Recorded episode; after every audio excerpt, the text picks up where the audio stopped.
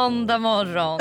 Jag kan inte. Du, är- du är på jättebra humör idag hör jag. Ja, men du smittade av det. Du har ju svarat alla har frågat hur vi mår. Mm. Och du har ju svarat för min del för alla skull. Du bara vi mår fantastiskt. Alltså, Ja. all, vi har aldrig mått bättre. Men det, och det känns som att när jag säger det så tror folk inte på mig. Alltså de kollar med skeptiska ögon typ s- nervöst skrattar lite vilket är så konstigt. Man Alltså, bara, bara, hur mår kan du man, inte- egentligen? Ja, man kan man inte få må jättebra och säga det? Ja, men det kanske är den här att du mår så bra att det känns fake.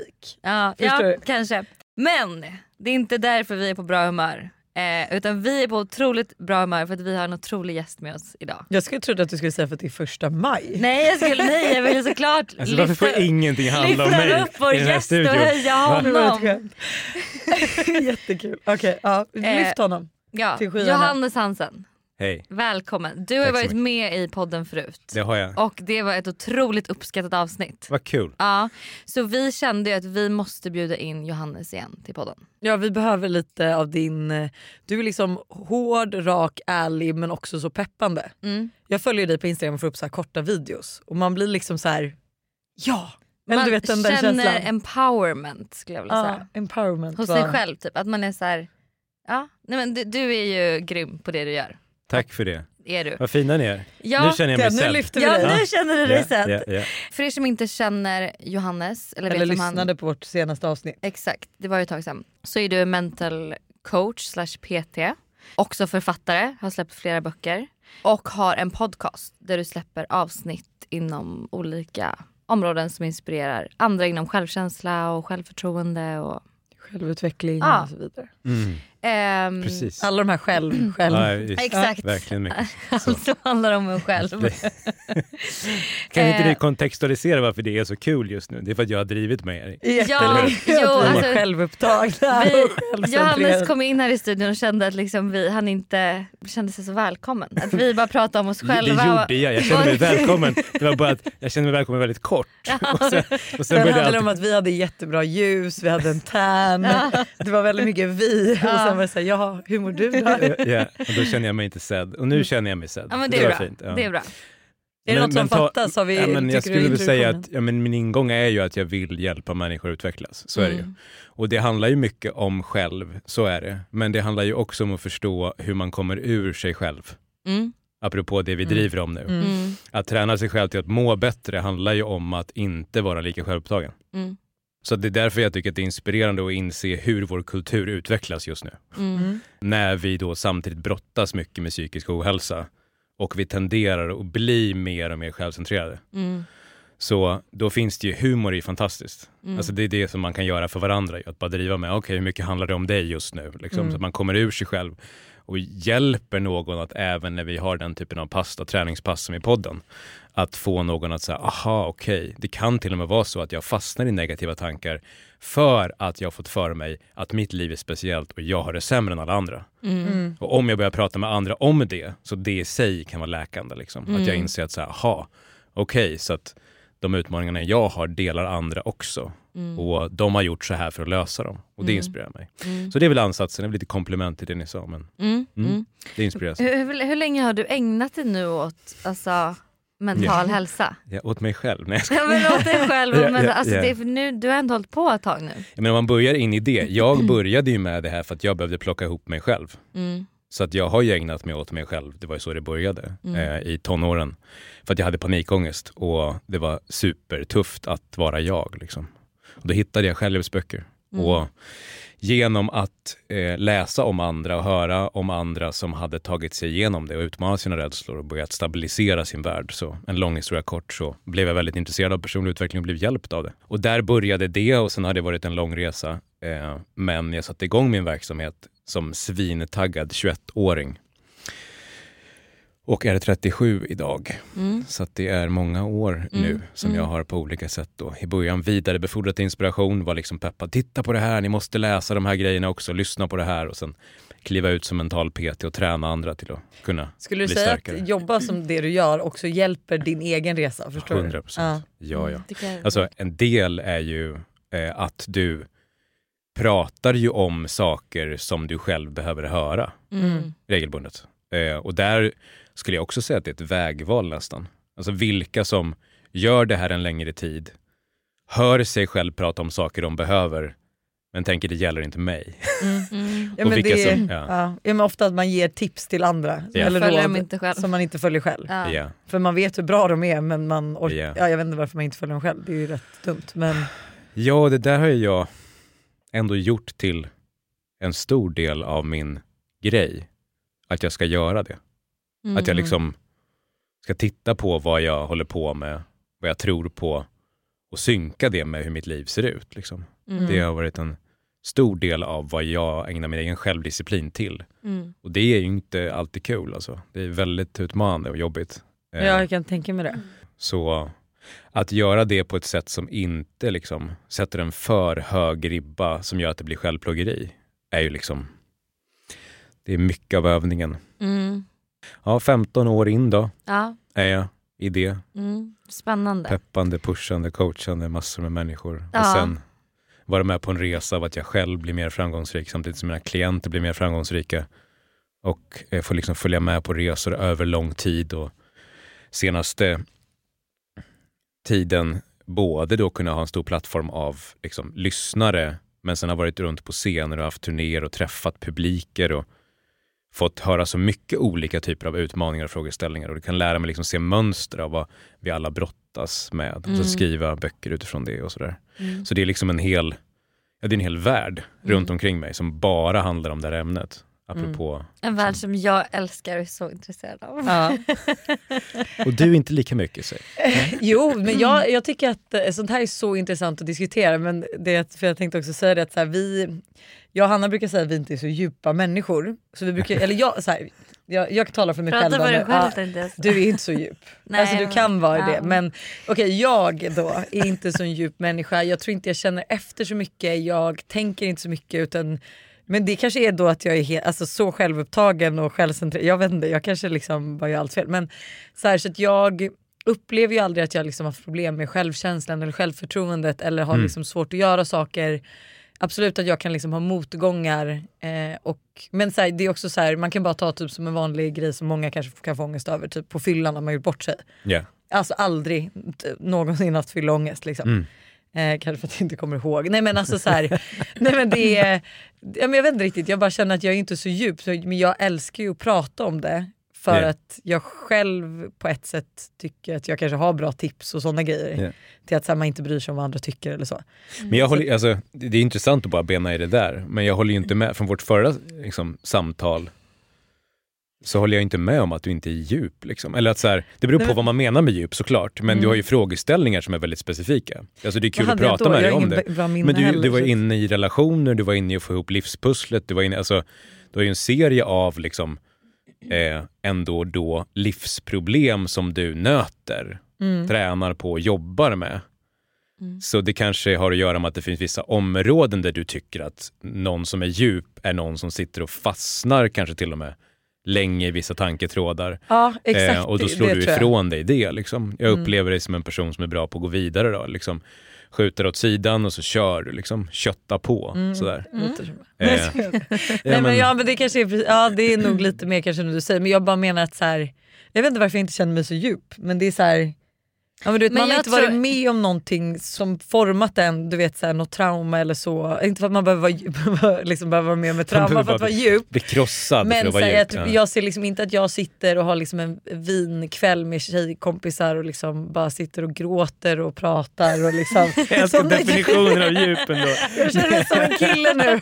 Jag känner mig verkligen som Ja, jag en förstår kille det. som inte har någon Ja, annan. men det, och det är för att, eh, för, eh, det är ju så här, eh, ja du upplevs ju som det. Exakt, Ja. Det Vänta, jag det här, hörde liksom. precis att det Ja. jag sa lät som en typisk kille som tror, alltså när tjejer är djupa att de gör såna här grejer. Ja men också Men typ såhär, ja, men jag är inte så liksom, håller inte på med de där områdena, du vet alltså gråta, jag vet inte om det ger mig så mycket. Du vet, Men jag, alltså, alltså, jag gråter ju bara när jag är arg och aldrig när jag är ledsen eller så. Alltså, så det är också Ja. såna grejer, jag sitter ju liksom inte och, jag vet inte. Men jag tycker att det är härligt att du bara säger det, att du Mm. låter som en kille i det. Jag menar, jag tänker jag har vuxit upp i Borlänge liksom. Eh, och delvis då så här, bruksmentalitet i stor Mm. utsträckning. Och sen hockey, omklädningsrumskultur. Mm. Liksom. Hur tänker du den relationen till att jag satte igång en verksamhet om personlig utveckling? alltså, vad, fan, vad, vad fan är det som händer? Vad hände? Liksom? Vad, vad håller du på med? Liksom? Ja. Eh, såklart. Och Mm. det är ju en väldigt jobbig känsla om man bär på ja, men så här, tuffa frågor om vem man är, vad man vill, hur man mår. Mm. Och så möter man blicken från någon som bara så här, man ser att de tänker med förakt. Liksom. Din Ja, men det gör jag dock inte. Jag är lite mer avundsjuk att jag inte funderar så mycket. Mm. Alltså du vet ibland när vi sitter och hamnar i vilse i livet, vilket du är typ varannat alltså, halvår. Mm. Och jag är så här, varf- då, det är inte så att jag tycker så här, Hanna bara vilken mes du är. Alltså grow up liksom. Utan jag känner ju snarare varför ställer inte jag mig själv de här frågorna? Mm. Eller så här, varför stannar, stannar inte jag upp? Alltså Ja. känns det som att reflektera och reflektera, exakt varför Ja. reflekterar inte jag? Varför behöver inte jag känna som du? Så här, du bara, men nu måste jag känna att jag är i nuet och tar jag in allt. Jag är så här, varför, varför behöver inte jag känna så? Mm. Så det är snarare så jag känner än att jag så här, Avundsjuka. ja, jag är avundsjuk. Intressant. Ja. Och det är inte vad många av de eh, hockeyomklädningsrumskillarna gjorde. nej, nej men där De- är vi de kommer tänk- min de- kvinnliga sida fram. inte bara Jag är killar. avundsjuk Johannes. Nej, så var det inte. Kom hit ska du få stryk. Jobbig känsla. Ja, ja. Men vi har ju ställt frågor till våra vibbare och eh, alltså lyssnare vad vi ska prata om. Mm. Och eh, vi har tagit fram lite olika områden så att vi har liksom strukturerat upp så ser vi hur Wow. mycket vi... Ja. Nu så. Hur mycket vi hinner med Ja. så att säga. Men vi börjar då med självförtroende och självkänsla. Ja. Och det som vi har diskuterat rätt mycket i podden som vi också, jag vet inte om vi kom fram till något vettigt svar, men det är ju vad är skillnaden på självförtroende och självkänsla? Mm. Och kan man ha För dåligt självförtroende men bra versus... självkänsla och vice versa, för det går ju. Eller? Jo, jag, Förlåt, det jag du är vet. Jag jag du- vet du skillnaden. Jag vet skillnaden. ja, nu så. Men Ja. nej, du, vi har gissat Så oss ni ska, till ni, skillnaden. ni ska alltså testa mig? Ja. det, Ja. är det det handlar om? Exakt. Nej, Om men du efter jag, 15 Jag har år vet skillnaden. Ja, ja. jag vet att jag har bra självkänsla men jag har sämre självförtroende. Mm. Och jag tror jag har både, bra båda. Om jag... Ja du har nog Ja. bra båda. Och då vad valde ni att formulera som självförtroende och självkänsla för att komma, kunna göra det testet på er Jag- själva? Självkänsla är hur jag ser på mig själv, hur jag värdesätter mig själv. Att jag vet att jag är good enough, jag vet att jag är en bra person, att jag är värdefull, att jag är liksom viktig, att ja, men jag är en bra person. Liksom. Mm. Och att jag älskar mig själv. Ja, Och vill sätta mig själv i första rummet. Att så här, men det är viktigt att jag mår bra. Typ. just det. Tänker jag är liksom lite självkänsla. Och självförtroende är väl att jag tror på mig själv. Vilket jag inte gör. Jag brukar säga att självförtroende har man om man kan gå in på en arbetsintervju och ja, men känna att man är så här: I got this. Mm. Typ. Mm. Även om man inte egentligen vet vad man så. Så det Eh, första är, tycker jag om mig själv? Ja men jag tror det. Och en konsekvens av att man tycker om sig själv brukar då vara att man är trygg i sig själv. Mm. Man är trygg i nära relationer. Mm. Mm. Ja. Mm. Och det andra då självförtroende. Att man tror på att man kan prestera. Ja men exakt. Mm. Det är ju den klassiska eller traditionella definitionen på Förklaringen. Okej Ja. jag tycker om mig själv och jag tror på mig själv, det är jag självkänsla. tror på mig själv att jag kan prestera. Är Och det är här den här eh, bryggan mellan dem blir diffus. Därför att Mm. det finns mycket forskning som visar att det inte går att separera dem. Jaha. Därför att om vi sen ska översätta det i praktiken då. Mm. Hur gör vi för att träna upp vårt självförtroende eller självkänsla?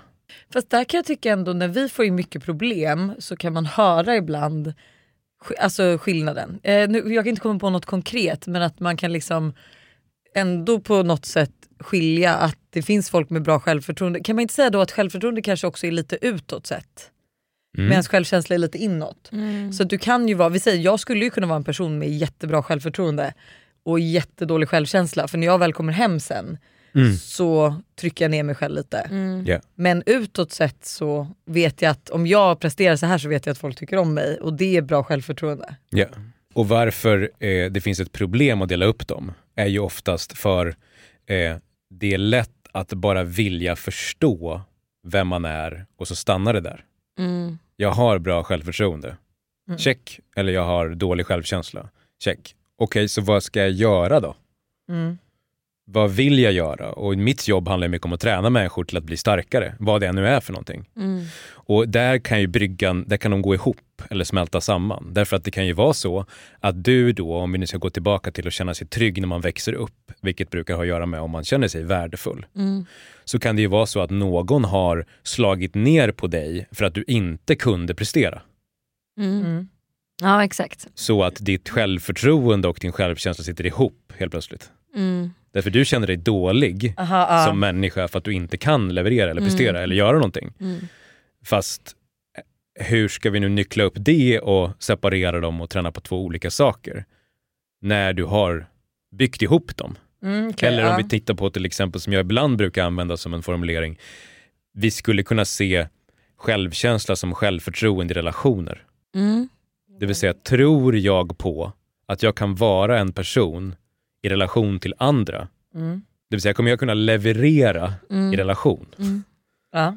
Och då blir det helt plötsligt ganska grötigt nu som du märker. Alltså, Mm. då, då, börjar vi liksom då börjar det bli så att de går in i varandra. Och vad jag brukar behöva göra tillsammans med en klient är att reda ut vad är ditt problem? Ja, vad är det du behöver jobba på? Eller hur? Så att vi istället då för att tänka, jag har dåligt självförtroende, dålig självkänsla. Och Ja. ännu mer så när kulturen nu nöter ut det och många sitter och förklarar det Mm. och så liksom späs det ut.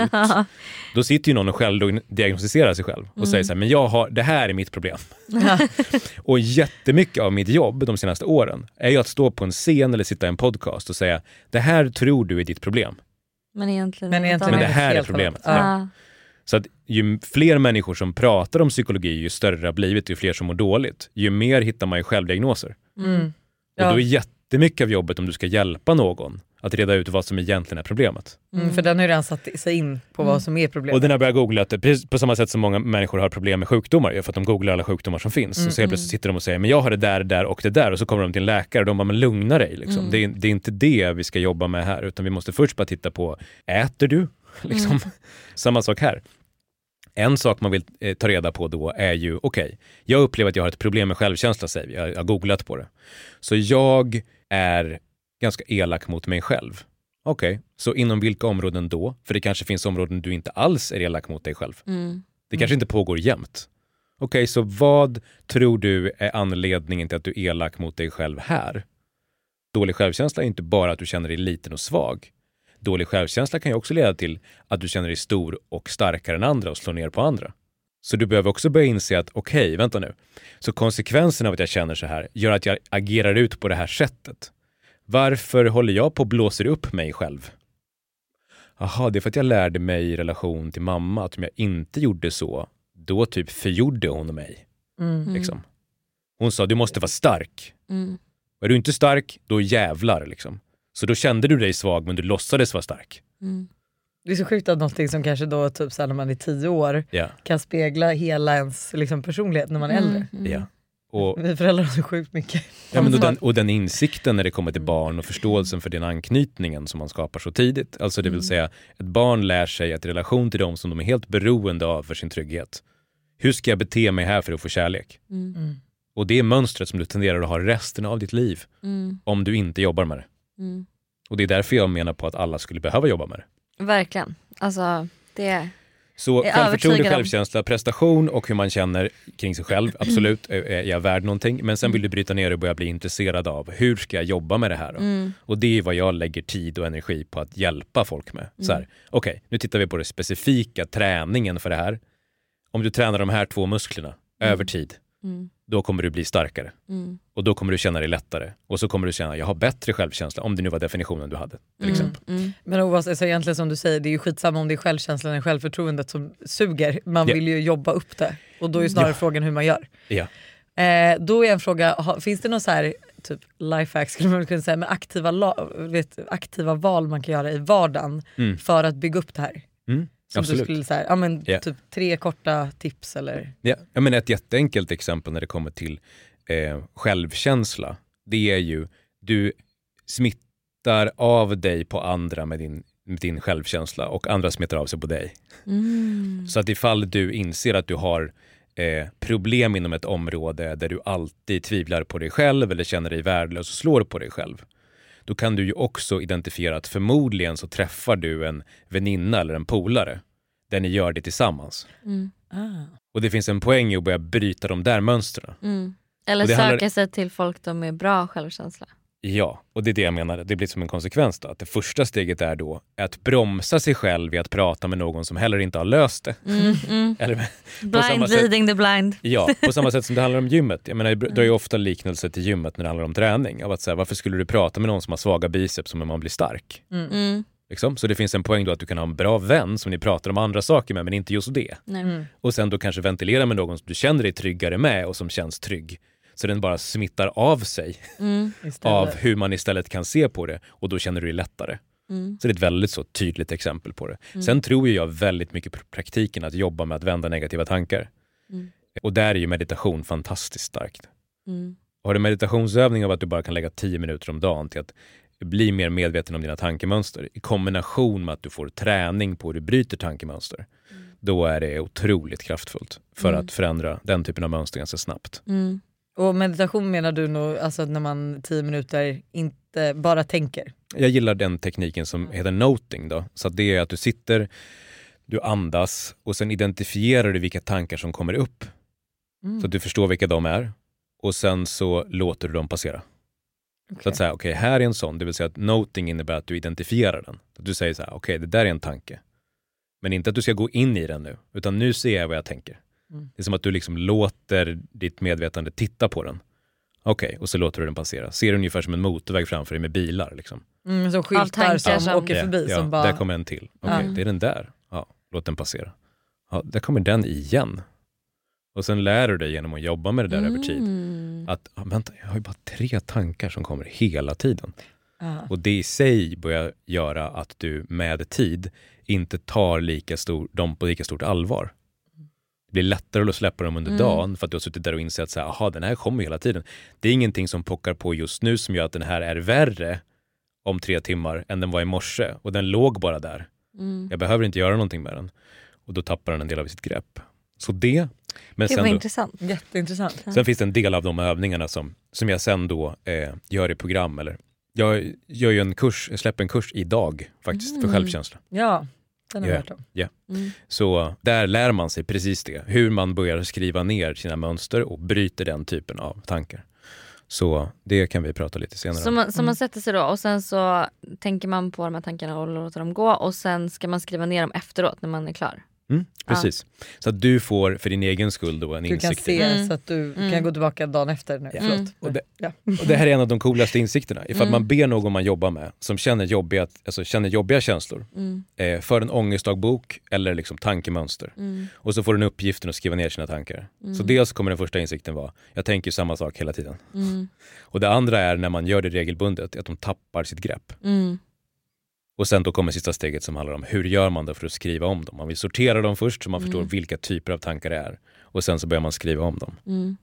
Då kan du börja installera nya. Och det är Tankar. otroligt kraftfullt.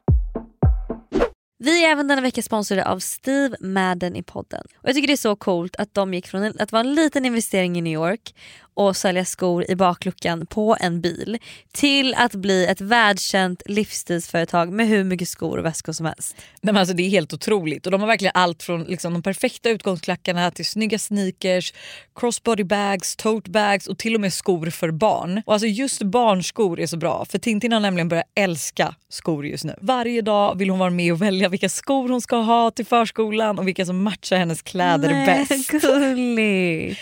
Men det är så kul och nu är hon ju väldigt bestämd av sig vilket betyder att jag behöver ha en del skor hemma för att hon ska bli nöjd.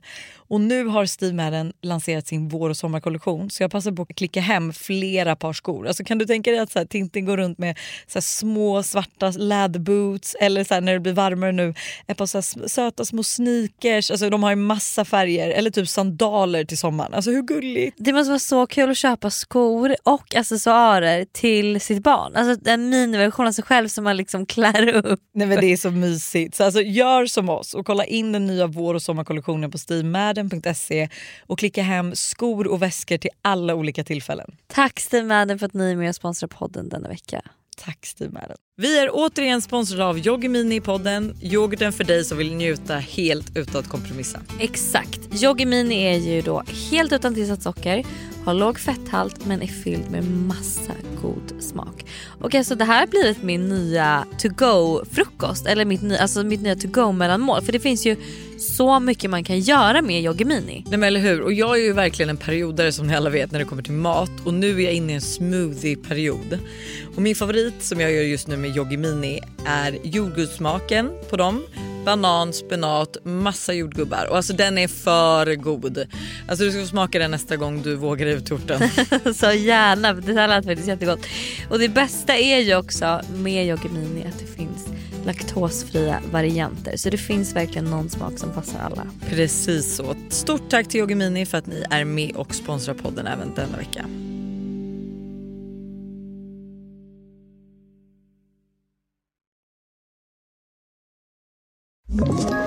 Ett poddtips från Podplay. I fallen jag aldrig glömmer djupdyker Hasse Aro i arbetet bakom några av Sveriges mest uppseendeväckande brottsutredningar. Går vi in med hemlig telefonavlyssning och, och då upplever vi att vi får en total förändring av hans beteende. Vad är det som händer nu? Vem är det som läcker? Och så säger han att jag är kriminell, jag har varit kriminell i hela mitt liv men att mörda ett barn, där går min gräns. Nya säsongen av Fallen jag aldrig glömmer på Podplay. Då tänker jag att vi går över lite till just då som vi var inne lite på att vara stark i sig själv i förhållande till andra. Liksom lite i relationer så. Mm. Och då är den vanligaste frågan som folk liksom är hur ska man sluta tänka konstant på vad andra tycker om en? Mm. Alltså hur slutar man bry sig vad andra tycker? Bryr ni er mycket om vad andra tycker? Nej, inte jättemycket. Jag kommer ihåg, jag tror faktiskt att det var du som sa det här till mig. Mm. Att ehm, när man ska dela sina åsikter, varför tycker du att din åsikt är så viktig? Varför är andras åsikter så viktiga? Varför är just den personens åsikter viktigare än dina egna eller det du tänker? Mm. Varför sätta upp någon på en pedestal? Typ? Yeah, yeah. Så jag är nog, nej jag är nog inte Jag inte så heller- brydd faktiskt. Om andra Ja. tycker. Jag, tycker, jag tror man är rätt medveten, eller jag tycker att jag är rätt medveten om att så här, okej men jag bryr mig inte så mycket om vad andra tycker förutom kanske de som är mig nära. Jag hade ju blivit ledsen om jag alltså, visste att du ty- alltså, tyck, inte tyckte illa om mig. Ja, ja, alltså, ja. Så. Men också att man vet att inte man kan vara omtyckt. Att det är klart att folk snackar skit om en. Eller att så här, Mm. alla kan ju inte tycka om en. Lite Nej. så, så att då kan man inte heller bry sig om vad alla tycker. Nej. Det där är ju en förflyttning som är stark. Jag menar, de flesta känner ju inte så. nej. Så det är också intressant vad som har hänt som gör att ni kan känna så. En, är- en insikt är ju då, åsikter har ju väldigt liten betydelse. Mm. Och jag förstår att det är skillnad på de som är längre bort och de som är nära, men en slutsats man kan dra är att alla bryr sig om vad andra människor tycker, men frågan är vem man bryr sig om. Mm. Så att, bara tänka jag ska aldrig bry mig om vad någon tycker, det är ingen bra, är ingen bra målsättning, för att du blir inte en bra person. Nej. Så att däremot börjar jag tänka på vilka människors åsikter har betydelse, men också inom vilket område har vilka människors åsikter betydelse. Ja, Mm. men för det där, det där brukar jag Ja. säga till min mamma ibland. För hon är en person som verkligen, hon måste säga det hon tycker. Ja. För hon, alltså hon känner att hon måste göra det. Men där är jag så bra på att sålla att så här, de här grejerna hon säger till mig som hon tycker och tänker. Det är ingenting som jag tar åt mig av. För det är inga åsikter det- jag bryr mig om inom de här områdena. Sen finns det andra grejer jag bryr mig jättemycket om som hon tycker. Ja. Men ja, Ja, det är jättemognad och Mm. det där insikten är stark. Alltså, Den hade du allt- inte förra gången tror jag. Nej, det hade jag nog inte. Nej, det hade du inte. Det, och vi var inne där på relationen till mamma, som Ja, du kommer ihåg. ja. Eh, så att insikten är ju stor utsträckning när vi kommer till att så här, välja eh, vägval i livet. Då. När Mm. någon kommer och säger jag vet inte vad jag vill till mig. Mm. Vad ska jag göra? Jag vet inte vad jag vill. Då brukar jag ofta utmana till att säga det vet du visst. Mm. Så, så blir de sura. liksom. Vadå, vad menar du? Ja, men, du vet ju vad du vill, men du tänker direkt på vad andra människor tänker om vad du vill. Mm. Och det gör att du fryser. Mm. Ja, vad menar du nu? Ja, men så fort du har fattat beslutet, liksom, du blir peppad på någonting så ser du bilden framför dig och så tänker du så här, fan det här ska jag göra. Och så sekunden som du bara ska sätta ner foten där så känner du att den marken är så här, fuck, vad kommer den här personen tänka om det? Och då i många fall, för många kan det vara mamma eller pappa. Mm. Och så är det liksom, det är mamma eller pappa som fattar besluten, inte du. Och du känner att du måste få, du måste få deras bekräftelse för att göra det. Och då kommer du en inre konflikt, för vet du om att de inte kommer kunna gilla, kommer gilla det här, så kommer du känna, det här går ju inte. Så då säger du, jag vet inte vad jag vill, för det är lättare. Mm. Och jättemycket av mitt jobb på dagarna handlar om att navigera i den här terrängen. För att sen när man blir starkare då och känner att så här, okej, man kan välja vems åsikt som har betydelse, men de flesta åsikter betyder inte så mycket alls. Om du börjar fundera på, när säger människor saker till mig? Och i många fall så säger de ju inte, de ger inte ens råd till mig, de säger bara vad de själva tänker om området. Och jag vill inte ha deras liv eller deras resultat, varför ska jag bry mig? Mm. Men sen ska du också inse att om du börjar utmana din omgivning så du gör saker som du verkligen vill, du känner dig stark och har en riktning, då utmanar du ju alla människor i din omgivning. Mm. Därför att alla som själva tänker att jag vill inte göra så, måste börja utvärdera sig själva. Mm. Den här kan, personen kanske har rätt. Gör jag fel då? Mm. Så du får liksom hela trycket av människor i din omgivning på dig, energimässigt. Mm. Man kan ju känna det, speciellt om man jobbar med publiker som jag gör. När du säger någonting som publiken inte gillar. du kan ju känna trycket som Ja. händer. Liksom. Och det är spännande att börja förstå att det där trycket finns i relationer hela tiden. Mm. Men det är jätte, vi är jättekänsliga för energier. Vi förstår att så här, okej nu var jag glad på ett sätt som vi pratade om nyss, att du känner att du mår fantastiskt. Mm, Säger du. Nu är jag glad på ett sätt som provocerar folk till och med. Mm. Och det kan i vissa Ja, fall det- vara, eller hur? vissa fall så är det så här, ja, men de kanske ser något hos dig om du ska bara ge dem det. Mm. Som är så här, ja, men du kanske inte gör det egentligen då, säger vi. Men om vi säger att det är så då? Mm. Du mår hur jävla bra som helst. Mm. Till och med det är provocerande. Mm. Mm. Det är, med? det är så mycket av eh, att känna sig levande, gå för det man vill, eh, fatta liksom, beslut helt efter det man känner just nu och saker som många inspireras av. Men när du börjar göra det så gör det ont i typ allas kroppar runt omkring dig. Mm. Så de börjar själva rycka i dig liksom, och kolla, är det här på riktigt? Mm. Är den här personen sann? Och jag brukar ta liknelsen då till att man kommer fri i hockey. Mm. Så här, inse att när du har slagit dig själv fri och är Mm. på väg där. Mm. Folk, hela deras liv bygger på, all, de har fått betalt för att kapa dig. Mm. Mm. Liksom. Ja. Det, är här, det, det, det är det som hela deras nervsystem tänker och skriker. Och att i det börja då så här, vänta, just ja, det här är ju sporten. Tycker att det är kul Mm. och Mm. veta vad belöningen är. Mm. Det är en metafor som är stark. För då Mm. börjar vi inse hur mycket personlig styrka som krävs Mm. för att göra det man vill. Mm. Och hur mycket respekt vi borde ge till människor som inspirerar oss. Ja. För vi förstår hur jävla mycket de har gått igenom Mm. och hela tiden går igenom Mm. och ska förstärka konstant. Mm. När en hel kultur börjar kapa personen för att den får uppmärksamhet och så vidare. Mm. Så att det finns ju en serie liksom insikter kring hur man blir bättre på att hantera andra människors åsikter. Men där i början så är det ju en insikt kring hur kan du bli bra på att de facto, och det här är den bästa övningen jag vet på det, skriva ner svaren på kommentarerna. Hitta din kaxiga vinkel på hur du ska hantera att någon försöker haka dig då. Mm. Mm. Ja, men säga emot liksom. Ja, var bra på att säga emot. Hitta din inre röst så att du istället för att bara direkt sjunka när du känner att någon säger sådär, ah, ska du göra det där? Eller jag tror inte på det där. Men vilken tur att jag inte frågade dig. Mm. Hitta de här snabba som är en känsla av att så här, låt mig vara. Mm. Jag ser det, jag ser vad du håller på med, jag förstår att det kommer från dig, Mm. men, men skärp dig. Jag behöver inte dina Du råd. är duk, duktig Mm. på den typen av kampsport. Det är ju vad många människor som vi vet som kan banter är bra på. Mm. Eller hur? Någon kommer in och börjar så här, jaha, du har på dig det där idag. Ja, precis. Och du det där. Mm. Mm. Gud det där måste jag, jag ska skriva ner några sådana jag lines. tänkte också, det är jättebra att ha. Det är skitbra att ha. Och tur att jag inte frågar dig. Ja. Det är en som jag kommer Ja. skriva ner. Ja. När folk kommer med sin oönskade... Det liksom, Säger jag ofta till Åsikt. min mamma. Vilken tur att jag inte har undrat. Ja. Ja men att hitta en massa sådana relevanta kommentarer. Vi kan gå vidare på den som är det här, jaha, Mm. okej. ja. Jag kan inte minnas att jag frågade dig om råd. Jag gillar ju att dra ut dem där ganska Mm. länge, så att det blir långa Ja, så att man utläggningar. verkligen- Att man känner så här, Ah, han, vad är helt, jag kan faktiskt inte minnas.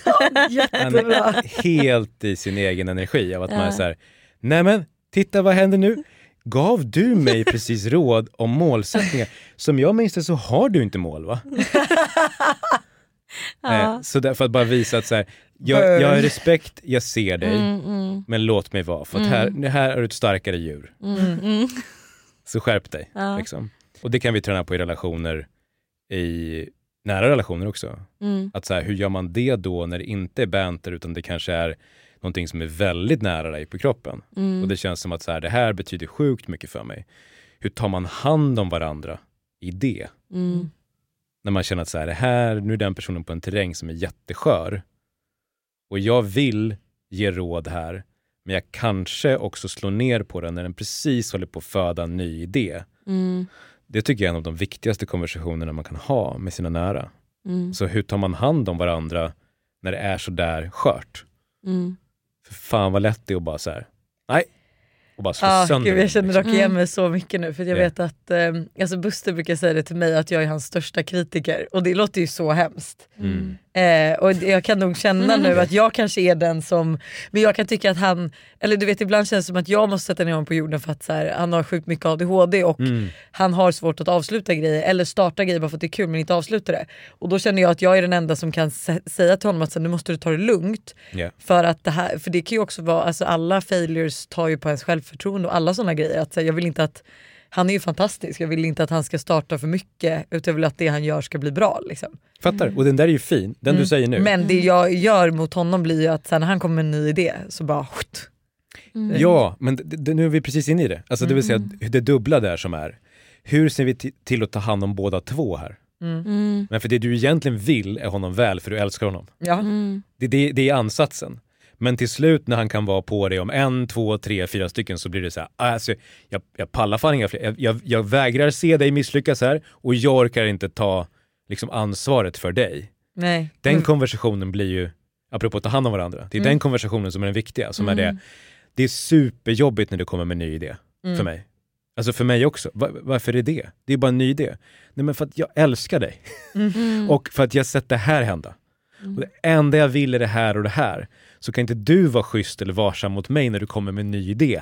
Exakt. Då är du, har du respekt mot mig också. Ja. Det där samtalet som, för annars är det lätt att måla upp den ena eller den andra, alltså vet, den Ja för det är ena inte så är att jag säger att idéerna är piss, de är jättebra men det är bara så här, du, Ja. jag ser ju det logiska att så här, du har varken tid eller möjlighet att göra det här så varför Ja. ens ta upp det? För Ja. jag, ja, ja. Så det finns en dubbelt där, så inte du känner dig dålig för att du skjuter ner hans idéer, Mm. utan det finns också en anledning till varför du gör det. Mm. Och så kanske man ska hitta ett space som är, kan vi inte få prata om idéer ibland på middagen? Men då vet vi att vi gör det i ett idé och drömspace. Exakt, det kommer det aldrig vara någonting något som som händer. ske. Ja. Mm. För där är det svårt att veta vad som, alltså, för han, han köper rätt mycket grejer också Ja, och du ja, vet ibland ja. vet man inte, så här, han skulle köpa liksom en sån här som åk, svävare liksom. Ja. Och jag bara, men en svävare av alla grejer liksom. Måste, vi behöver göra fasad, det finns massa grejer vi behöver göra. Liksom. Och där vet man ju, jag bara, är det här en idé? Eller är det här någonting faktiskt som han vill köpa som han kommer lägga bud på och sen helt plötsligt sitta och bara, ja men typ som alla hans bilar, att så här, ja, men en, till, en till sån Mm. som halvt funkar som du måste lägga tid på som du inte har. Ja, ja. Ja. Ja, och det, det, menar, det bygger ju upp då, och sen så får du säga stopp för hur mycket vi kan prata om det, Mm. men jag tycker att många känner igen sig i det, så vi använder det som en liknelse av att det bygger ju upp ett tryck eller en press på dig hela tiden, för att du känner att du behöver ha koll på saker. Mm. Och att behöva känna det är ju jobbigt. Mm. Och då bygger du upp mer och mer styrka och kanske blir hårdare och hårdare. Mm. Och om man kommer in i relation och så märker man fan vad hon klipper till honom. Ja. Och tänker så här, fan vad osympatisk hon är. Men man fattar inte år av Av idésprutande och Blocket-köp som jag liksom... Men för det händer ju situationer som, in, nu kan jag inte säga, jag vet ingenting om er relation i övrigt och nu går jag till en helt annan liksom, kontext. Men jag Mm. kan ju sitta med par ibland Mm. när någon vill att jag ska prata om det. Och sen så är ju då det första eh, liksom, ögonblicket blir så här, fan vad obalans det är här och vad hård den personen är över en eller andra. Mm. Men det är alltid så att om du börjar gå ett par lager till så är det så här, det är år av det ena eller det andra. Så vem som helst skulle blivit sådär. Ja, nej, Liksom. men för det är ju såklart man förstår, jag tror Buster förstår väl också att det är inte så att jag tycker om- alltså, att hans idéer är dumma eller att jag vill att han ska misslyckas. Såklart. Det är ju snarare tvärtom. Mm. Liksom. Och det är fint att utgå från det. Är du med? Man utgår från att människor vill väl. Men, Snälltolka. Ja, och det är schysst. Men sen vill man också samtidigt kunna den här eh, kampsporten som är back the fuck off. Och vad håller du på med just nu? Och nu, på riktigt, så gör du saker som inte är okej. Så man, det där är ju liksom, Mm. hur hjälper man till att uppfostra varandra? Mm. Eh, upp Men det här, det här leder typ oss in lite på nästa fråga som är hur parerar man att möta andras behov och begär samtidigt som man värnar om sig själv och sitt eget välmående? Mm. Hur mycket ska man ge, alltså in, alltså ge utan att få innan man riskerar att förlora sig själv? Mm. Mm. Jag finns två perspektiv på det. det ena, alltså, ett är ju, det är en stor frågeställning som vi kan gå in i. Men, Mm. men det första är att det brukar inte vara så att någon ställer den här fråga, frågan om den inte har börjat eh, gjort för stort avkall på sig själv. Nej okej, så redan där har man... Ja, men börjar du så här, hur mycket ska jag ge upp av mig själv innan jag känner att jag ger upp för mycket? Mm. Det är oftast en person som känner att den ger upp för mycket. Mm. Det där var typ jag i min förra relation, Ja, tror jag. du ställde ju Mm. den frågan rätt ofta. Mm. Men hur vet man om det är tvärtom då? För det kan ju också Ja. vara ett problem. Precis, men en Mm. insikt är ju också eh, att en stor del i av att ha bra relationer är ju att den här, man ska kalla det för eh, omogna delen av en som behöver jättemycket uppmärksamhet och vara sedd och allting handlar om mig, som vi var Mm. inne på tidigare, uppmärksamheten. Eh, den behöver ju ge avkall, eller till och med, man skulle kunna säga i psykologi, dö för att bli en vuxen människa. Mm. Alltså det vill säga, det finns en viktig jag-utveckling i dig som människa, där det ska handla om dig. Tittar du på ett barn så är det liksom otroligt narcissistiskt. Mm. Du föds ju inte liksom som Guds gåva till mänskligheten direkt, liksom. utan du föds som att säga ge mig allt, Mm. för jag måste ha det för att jag ska kunna överleva. Mm. Och sen långsamt så ska du förhoppningsvis bli mer och mer sympatisk. Mm. Och ska du sen bygga vuxenrelationer, så, och speciellt bilda familj då, så behöver du ju faktiskt hitta ett sätt att den här självuppoffringen är vad du vill. Mm. Det här pratade vi om häromdagen. Mm. Alltså att offra saker för exempelvis barn. Alltså ens egen tid eller en massa sådana grejer. Och hur man är, väljer att vara som mamma. Att vissa eh, kanske konstant är med sina barn. Mm. Och det på ett sätt kanske funkar jättebra för dem. Men till Mm. exempel för, för, exempelvis för mig så funkar inte det. För att jag har inte kunnat ge upp så mycket. Alltså jag vill jättegärna ha barn men jag vill inte offra hela mitt liv Ja. för mina barn. Ja. Mm. Och då är Även om det låter lite egocentriskt. Men, Mm.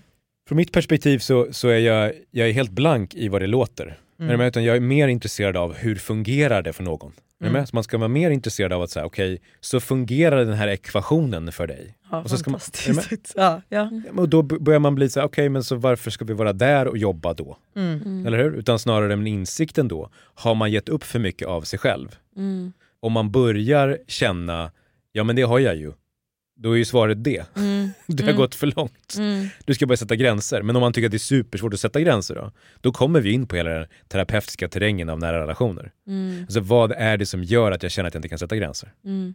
Oftast kommer vi tillbaka återigen till uppväxten då, och relationer man har haft till de närmaste. Där man lärde sig som barn att man skulle ge upp delar av sig själv för andra. Mm. Och så har fortsatt så på olika sätt. Eller så hade man en jättestark person man blev tillsammans med första gången. Som lärde dig att du ska ge upp dig själv helt för den. Mm. Till och med kanske på ett, på ett sätt som inte alls är okej. Och sen har du lärt dig de, den typen av relation och nu fortsätter du kopiera den framåt. Mm. Och då blir det ju absolut viktigt att ta spjärn eller sätta gränser och ofta så behöver du ju stöd, coaching eller personlig utveckling rent generellt men ofta terapi för att kunna ta den typen av eh, liksom strider och göra den gränssättningen. Mm. Åt andra hållet då, som du ställer frågan, Mm. om man blir mer, liksom, om man upplever att man ger för lite. Ja, hur kommer man fram till det? Ofta så tenderar man vara så självupptagen som man märker inte det. Nej. Eller hur? Utan däremot kan man nog se det Men på... kanske har blivit tillsagda. Eller det kanske är någon typ som sitter där och säger så här: du ger mig för lite. Liksom. Ja, ja, precis. Och då fortsätter den här övningen när det kommer till självrannsakan och självinsikt. Eller när det kommer till personlig utveckling handlar det ju om att börja identifiera vad gör jag då? Och är det här ett sätt jag vill vara på? Och på vilket sätt påverkar det andra människor runt omkring mig? Och se, är jag i en parrelation skulle jag säga att de allra flesta kan inte dra de slutsatserna själv. Nej. Nej. Och du behöver ofta ha stöd. Antingen gör du det genom att du frågar vänner hur de lever och så börjar du samla liksom, olika information från det och så börjar du bygga din egen story kring det. Men oftast är det ju smart att gå och prata med någon för att Mm. bara så här, inse vad är sunt här och inte. Mm. Därför att det kan ju också vara så att personen inte vill ha så mycket mer av dig. Men den vill ha dig närvarande mer. Mm. Börjar man titta på många relationer idag, speciellt när det kommer till telefoner, så känner ju båda oftast att de är så uppkopplade och så onärvarande så att de har ingen kvalitetstid. Nej. Och då kan det räcka med att man har en sån i veckan. Liksom. Mm. Mm. Där det börjar bli så här, ah, fan det här är ju sjukt bra. Mm. Så nu börjar det kännas som att det är okej igen. Jag behövde inte ha mer än så. Mm. Men det är också insikten jag får av att prata med människor. Att man känner väldigt starka känslor av att jag inte är sedd, jag får inte det jag behöver, det här funkar inte. Och så är det bara en liten pusselbit. Mm. Eller ett samtal där man känner sig sedd. Mm. Och så har man skapat jättemycket mer Mm. space och relationer man hade tidigare. Det, det där var ju verkligen jag i min förra relation. Mm. Att jag, jag, alltså jag begärde bara en dag. Eller att när vi väl umgicks att det var liksom närvarande och inte med telefonen. Eller att, att vi gjorde någonting kul tillsammans. En Mm. gång i veckan. Liksom. Ja. Det var för mycket. Det var, det var, det var för mycket. Det här är ett betalt samarbete med Tre. Alltså Hanna, häromdagen var jag verkligen med om ett riktigt aha moment. Alltså du vet när man inser något som man inte visste förut och bara, nej men just det, så är det ju. Berätta. Alla vet ju att man ska dricka mycket vatten. För det är ju bra för kroppen, hyn, håret och ja, alltså det, är, det ska bara vara bra helt enkelt. Men tydligen så är det en myt att man får mer återfuktad hud av att dricka mycket vatten. Va? Alltså det finns inte någon forskning som visar på det utan det som betyder något är vilken rengöring man har och till och med att ha rätt vattentemperatur i duschen. Du, dri- alltså det här hade jag ingen aning om. Det här är någonting jag verkligen trodde var, att det var så. alltså jag känner mig helt chockad men alltså för att vi ska liksom hålla oss till någonting som är sant då så är det faktiskt att Tres nätverk numera täcker hela 99,3% av Sveriges befolkning som avser röstteckning baserat på folkbokföringsadress. Och ni kan läsa mer om det här på 3.se och det tycker jag också är ett riktigt aha moment. Ja men exakt och tack igen till Tre som är med och sponsrar oss och kom ihåg, allt är inte som du tror. Tack 3 för att ni är med och sponsrar podden. Ett poddtips från Podplay. I fallen jag aldrig glömmer djupdyker Hasse Aro i arbetet bakom några av Sveriges mest uppseendeväckande brottsutredningar. Går vi in med hemlig telefonavlyssning och, och då upplever vi att vi får en total förändring av hans beteende. Vad är det som händer nu? Vem är det som läcker? Och så säger han att jag är kriminell, jag har varit kriminell i hela mitt liv men att mörda ett barn, där går min gräns. Nya säsongen av Fallen jag aldrig glömmer på Podplay. På tal om eh, mig själv då, när vi ändå är inne på lite sånt. Så är det här en fråga som våra lyssnare har ställt men som jag också känner är liksom verkligen någonting jag undrar och jobbar på skitmycket nu. Ja. Och det är hur vågar man lita på andra människor efter flertalet svek? Mm. Mm. Ja, beroende på storleken på sveken. Det kan ju vara utmanande som en PT nu och så kan du säga genom att gå vidare. Mm. Jaha, det lät ju enkelt. Ja. Mm.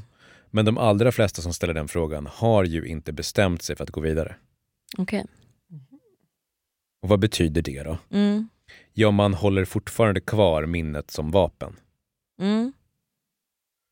Det vill säga, ifall du nu som jag ska träffa, så nu träffas vi Mm. och så ska du börja en ny relation, Mm.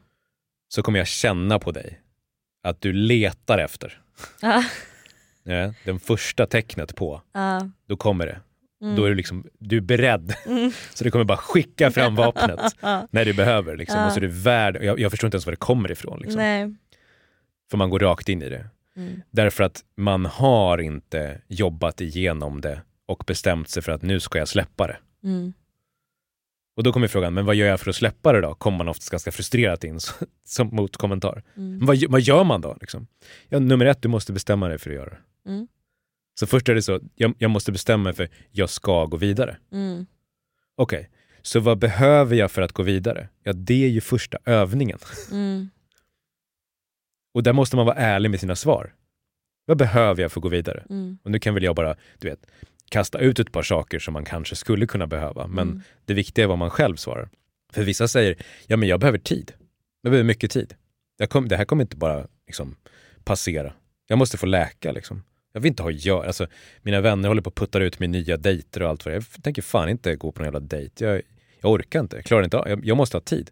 Så då kanske det är det man behöver. Jag måste ut och resa, säger någon. Mm. Mm. Så här, jag, jag vill göra, och nu tycker jag att det är superinspirerande att prata med människor i det här spacet. Därför att vissa säger saker som de kanske inte är beredda på att de ska säga. Jag ska börja på, och så säger de någon sport. Eller alltså, de får någon impuls av att så här, det här tror jag kommer vara läkande för mig. Mm. Eller jag skulle bara vilja vara ute på en kväll där jag bara hänger med, med er och så gör vi bara det där och så vill jag göra, alltså det kommer liksom impulser på, det här tror jag är det som kommer hjälpa mig. Mm. Och det är en, ett spår av det. Mm. Det andra är ju att känna klart känslorna. Mm. Och det är ju någonting som är sjukt tufft. Mm. Därför att det är ju otroligt stora känslor. Mm. Har man blivit svek, alltså sviken många gånger och, och, och ordentligt sviken, ja, då är det ju eh, fruktansvärt mycket ilska och hur mycket sorg som helst. Mm. Och då ska man bara utvärdera sig själv på hur jag känt det. Mm. Alltså har jag gått med på att varit så ledsen? Har jag varit så arg? Har jag varit på, och då kan du hitta olika typer av metoder för att få ut den ilskan på. Du kan gå på kampsport och slå sönder den här killen som står med mitsar där. Liksom. eh, och säga det terapeutiskt till personen. Jag tänker komma förbi mitt ex nu. Mm. Jag tänker fucking mörda dig. Eller? Det, alltså, faktiskt att boxas. Ja, boxning för dig Ja, det är så bra. Eller? Ja. Så då, har man så här, då, då får du, och det fina med den terapeutiska processen är, om du sparras tillsammans med någon som är bra på det, Mm. Eller om du själv börjar lära dig det, Mm. då vill du ju rikta ilskan faktiskt mot ditt ex. Mm. Så att du faktiskt får ut det som du behöver få Mm. ut känslomässigt. Mm. Och det är oftast en träning för att då brukar du både börja gråta och slåss samtidigt. Perfekt. Anna bara, Ja, ja. Ja. Eh, Därför att kroppen fungerar så. Ja, ja. De där känslorna sitter ihop och det du vill är använda en, en öppning för att få ut dem. Du Mm. känner när vi pratar om att det, det triggas. Liksom. Mm, mm. Eh, så det kan vara ett område man gör det i. För många är det ju liksom samtalsterapi på olika sätt. Mm. För vissa är det att gå på massage. Mm. Därför man tittar inte människan i, i ögonen. Mm. Fast man har mycket spänningar i kroppen. Så när personen börjar massera en så börjar man gråta. Mm. Det kan vara olika sätt man hittar, här får jag ut det på. Det Mm. kan vara att man lyssnar på eh, Musik, viss musik. Mm. eller tittar på en film som man vet att där är vi med om exakt samma känsla. Så man Mm. tvingar ut det. Det Mm. blir som liksom en, en tub man trycker ut det sista ur. Liksom. Mm. För man vill bli av med de där känslorna. För Mm. de sitter i systemet. Liksom. Mm. Det kan jag tycka, när man varit med om ett svek så har man en viss låt, of, eller vi brukar ha det i alla fall, Mm. som man binder till den Mm. händelsen. Mm.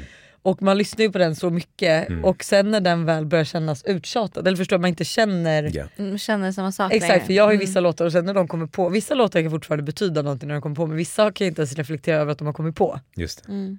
Och att man då kanske inser att så här, oj jag är verkligen över det här. Mm. Tappat laddningen. Ja. Mm. Så att hitta sin process för att göra det. Mm. Men insikten och för de allra flesta då, hur går man förbi alltså svek flera gånger? Då ska vi nog ta det på allvar och se storleken på sveket. Alltså det vill säga, det här är ingenting du skakar av dig bara, utan du behöver göra det till en process. Mm. Och också för sin egen skull och livets skull fatta att så här behöver man behandla storleken på sådana problem. Mm. Så man inte bara säger, men jag ska liksom, jag duschar av med det och sen går jag vidare in i det. Och sen undrar jag varför jag kommer in i svek om och om igen. Mm. För nu handlar det inte om att trycka ner någon, men vi vill också inse hur lätt det är om man inte jobbar igenom sina problem, att man söker sig till samma situationer om och om igen. Mm. För man fångar inte de där initiala Nej. tecknen. Nej. Utan man tänker nu ska jag fan bända gravitationen här och se till att det här funkar. Mm. Och så bara ser man till och ser till och ser till och ser till och så fattar man ju att det här är, alltså fan är jag på med? Nej men det är väldigt intressant för jag har ju, jag började gå i terapi eh, sen det tog slut med mitt ex. Ja. Eh, och nu senast ko- så kom vi ju fram till att jag har ju nog haft en magkänsla. Eller Mm. liksom min intuition har ju ändå någonstans visat mig lite också så här red flags och grejer som jag bara inte har lyssnat på. Mm. Och sen så pratade vi om andra svek jag varit med om i vänskapsrelationer och inser att där har jag också haft en magkänsla. Just det. Så att det är lite som du säger, att jag har ju liksom hamnat i lite samma... Du har liksom Eh. tryckt bort när du vet. Jag alltså, vet hamnat i samma som vi pratade om, problem. Mm. Eh, Men, och för men att jag du... inte har vågat lita på min magkänsla Just lite. det. Och, och har ni kommit eh, vidare där? Nej, det var vår sista, Ja. vår sista liksom session. Så då liksom kom vi fram till det och bara gud, det är liksom... Ja, så det var väldigt intressant. Får jag ställa följdfrågor? Mm. Mm. Eh, varför har du inte litat på din magkänsla? Men det är för att jag inte litar på mig själv. Ja men det var ju väldigt snabbt Mm. formulerat. Ja, Märkte men- du vad bestämd du var? Så här är jag. Det är för att jag har... Nej men jag, det vet jag, jag har varit en grej som jag liksom hållit på med Ja. väldigt länge. Jag förstår. Ja. Men vill, vill du prova bara? Ja. Mm. Mm. Att inte gå till att direkt då hitta den säkra vägen till att bestämma hur du är. Mm, Vi, kommer, vi, pratar, vi pratar om det med självförtroende och självkänsla. mm, Hur lätt det är, och det kommer ni märka nu om ni, alla som lyssnar, pratar med någon, eh, en väninna om ett problem och sen så, så frågar du varför gör du sådär, så kommer man ofta ha den formuleringen. mm, Alltså, det är för att jag är så här, mm, men det är spännande att utforska ditt psyke mm. och svara på frågan istället. Ja då är det i så fall för att jag så gärna vill att det inte ska vara så. Mm. Som min intuition eller magkänsla säger. Ja, ja. Att jag gärna vill liksom eh, förbise den. Just det. För att jag vill att det ska funka. Eller jag vill Ja. liksom att, ja. Och berätta om det här med att det ska funka. Känner du den känslan ofta? Ehm, mm, vad menar du? Alltså att, Att jag... du ska lösa det? Ja men det, så är det nog. Absolut. Jag tänker att jag är en lösningsorienterad person och som löser och fixar allt. Ja. Mm. Du är positiv, Mm. du fixar det. Japp. Ja. Mm. Och eh, när behövde du vara det första gången tror du? Ehm, det har jag faktiskt ingen aning om. Eller hur? Mm. Det är en in- intressant fråga. Ja. Och eh, enligt vem skulle du beskriva, har lärt dig att du är positiv och alltid fixar det? Mm. Det tror jag är mig själv.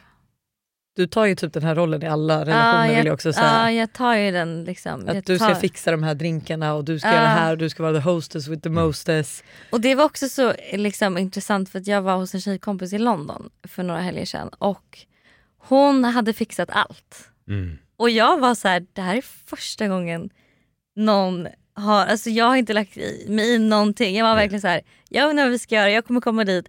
Hon hade fixat allt och det var liksom, jag har aldrig varit med om det. Hur kändes det? Det var så eh, skönt och fint. Alltså jag blir nästan lite rörd när jag pratar om det. Det är klart du blir. För att jag kände så här, gud vad, nej men att det bara var någonting jag aldrig varit med om innan. Fanns det fler känslor? Mm, vet inte. Var det, var det till och med typ obekvämt? Jo absolut för jag Ja. kände mig ju så här lite liksom, ska inte, jag ska väl liksom göra någonting. Ja. Bädda sängen, plocka Ja. undan, eh, fix, alltså så. Ehm, Och hur fint vore det inte om det är det här du får uppleva framåt även i relation? mm. Ja det vore ju otroligt. Så, Men förstå vad obekvämt det kommer vara. ja det kommer jätteobekvämt. Tänk hur mycket du kommer hålla borta, Ja. eller du vet trycka. Nej, Ja. inte så mycket. Ja, Och ofta kan det bero på, nu känner jag inte dig så väl, nej. men ofta kan det bero på att man dels kan ha lärt sig när man växte upp. Att om någon gjorde så för en, Mm. då var man skyldig någonting sen. Ja det, så är det 100% att jag känner. Och då gör ju det att man tänker, ge fan i att göra saker för Mm, mig. mm. För jag tänker inte gå runt och bära skuld. Mm. Men det där är intressant för jag tänker ju så eh, om när andra gör saker för mig. Mm. Men när jag själv gör saker för andra så gör jag det bara för att jag vill, för att jag tycker att det är kul. och För att Men jag, man vill inte ha liksom, något tillbaka. jag vill absolut inte ha något tillbaka. Fattar? Så det är också Det där är ju spännande för både du och jag har ju svårt att be om hjälp. ja, jättesvårt. Alltså även om man liksom ska göra något som är så lätt att be om hjälp och det är inte heller så att det tar emot men man, den tanken kommer inte ens upp att Mm. man ska be om hjälp. Mm. Och då har vi ju en möjlighet då, jag säger inte att man måste göra det, men, det, men här har man ju möjligheten att gräva i och ta reda på varför. Ja, För det här är anknytningsmönster. ja, Det är alltså tidigt i ens liv, så om vi ser lilla du då Mm. växer upp mm, och sen så in, av någon anledning, antingen kanske för att någon behövde eller för att någon sa åt dig, mm, så börjar du ta hand om. mm, Men åt andra hållet lärde du dig också att när någon gjorde någonting för dig så var det skuld. mm, Mm. Så det är klart som fan att du ser till att du tar hand om allt, mm, överallt, Mm, så att du kan känna att det är rent. Mm. Jag tror det är Ah, mer den, jag tror det är den som är Åh min... skönt, nu har jag ja. fixat till alla runt Ja, omkring. Då är allting bra och jag, ingen har någonting på mig. Nej, Så då kan jag gå vidare med mitt liv. Backar ett det rum. där är, Ja, backar ut rummet. är så jag. Problemet med det är att det är ingen, du har inte relation. nej. Eller vadå inte relation? För relation är ju att de annan får ge för dig. Ja, att någon ger till mig också. Ja, jag menar om jag då, då är Mm. uppsatt precis som du, Mm. Eller hur? Mm.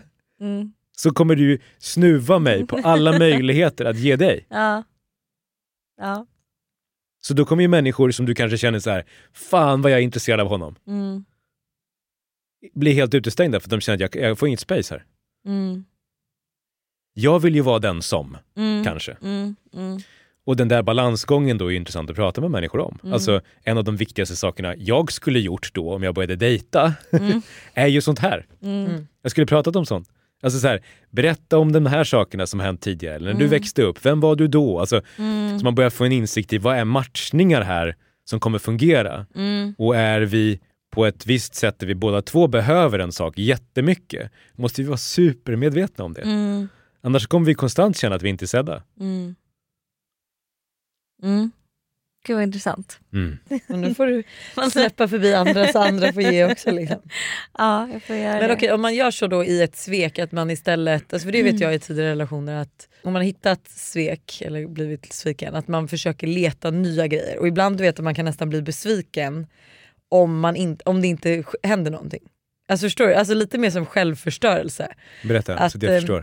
Ja men okej så här, eh, vi Bli säger att superkonkret. Ja, ehm, ja men mitt ex då, eller alla mina pojkvänner typ varit otrogna liksom.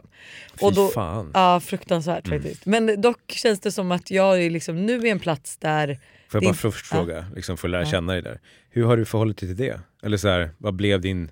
Det är ju så jävla tufft liksom. Men jag tror, för, det var liksom första gången var ju min första kille. Ja. Eh, och då var ju liksom, alltså grejen att jag vet bara att så här, jag har ju varit skamsen typ. Sen nu tycker jag inte att det är ett problem längre. Jag känner inte att det eh, hämmar mig i mina relationer. Jag fattar. Men jag tänker på hur hon som var med om det, Mm. alltså vad blev din liksom coping-strategi? Alltså vet du vad, jag har ingen aning. yeah, yeah. Jag har ingen aning. Jag tror bara att så här, för det jag känner inte heller att jag har... Det enda som jag har känt är att jag kanske typ... Jag vet inte riktigt, jag kanske inte har förväntat mig så mycket och sen också Okej. att jag då liksom ibland, i vissa fall har de här relationerna fortsatt. Mm. Eh, till exempel typ som den nuvarande jag är nu. Ja. Eh, och det var liksom, jag var lite manisk i att hitta ytterligare svek. Mm. Förstår du? Så att Såklart. han, vi ska säga att han somnar. Jag går igenom hela mobilen Ja, i adrenalin. Liksom. Och sen hittar jag inget. Fan. Och blir lite ledsen. För det var ju samma sak. Jag, jag, efter den första otroheten Mm. tycker jag att min intuition, alltså jag har haft väldigt bra magkänsla. Och efter första otroheten så var, fortsatte den vara. Mm. Men sen efter jag tror, alltså kanske typ tredje så Mm. tror jag att jag liksom eh, att jag, jag fick så mycket hjärnspöken så att den fuckade liksom ur. Ja. I början så blev den här känsligheten för det någon nästan superkraft liksom. Och Exakt. sen så tiltade den över och blev liksom, En besatthet Ja, typ, jag snarare att man ville hitta fel. Liksom. och det är väl en rimlig konsekvens. Jag tror bara att många kan känna igen sig i det där. Alltså jag Mm. menar för att du är just liksom serietraumatiserad. Mm. Det här är ju liksom, så vi bara förstår storleken på det. Ja. Det här är väldigt Mitt tuffa, första trauma. ja, men det, är, det är supertuffa saker Ja. som sätter spår för hur du ser på relationer. Mm. Att alltid rusta sig för att bli sviken.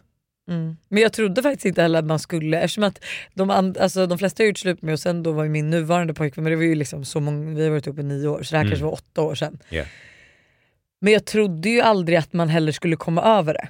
Alltså jag trodde ju alltid att det skulle, som vi har pratat lite om, Mm. att eh, liksom efter ditt ex var otrogen, att det ligger kvar så mycket hjärnspöken. Men att det kom ju till en plats där det faktiskt var precis som du nämnde lite innan, att så här, någonting bara släpps. Alltså, Just, det, just det. man, bara, man känner typ hur liksom, jag behöver inte längre snoka, Ja. jag känner inte att jag har det utan nu känner jag mer att så här, skulle någonting hända skulle jag förmodligen få reda på det och Ja. få ta mitt beslut då. Eh, Skönt att vara på den platsen. istället. jätteskönt Ja. men det tog ju typ, jag tror att det tog två tre år för mig att hamna där. Ja. Jag snokade hur länge som helst och Ja. ville hitta saker och Och krasst kan man väl säga då utifrån liksom psykologiskt perspektiv, du var oerhört ledsen och arg väldigt länge. Och det Mm. tog sig uttryck då Mm. i ett då väldigt maniskt beteende. Mm. mm, För det tenderar vara så för många. Alltså det vill säga vad som ligger bakom den här typen av väldigt så här, tvångsmässiga beteenden. mm, är Väldigt starka känslor av ilska och sorg. mm, som man bearbetar i det här. Ja, typ, snoken. Och i vissa fall så gör man det. Alltså i vissa fall så bearbetar man det så man Mm. kommer till en punkt så det lättar. Ah. Eh, för vissa så fastnar man i det Mm. och man har manin eller tvångsbeteendet resten av livet. Det är det vad jag var rädd för, för jag kan ju inte snoka liksom i hans mobil resten av mitt liv. Jag kommer Ja. ju, alltså det kommer ju inte orka.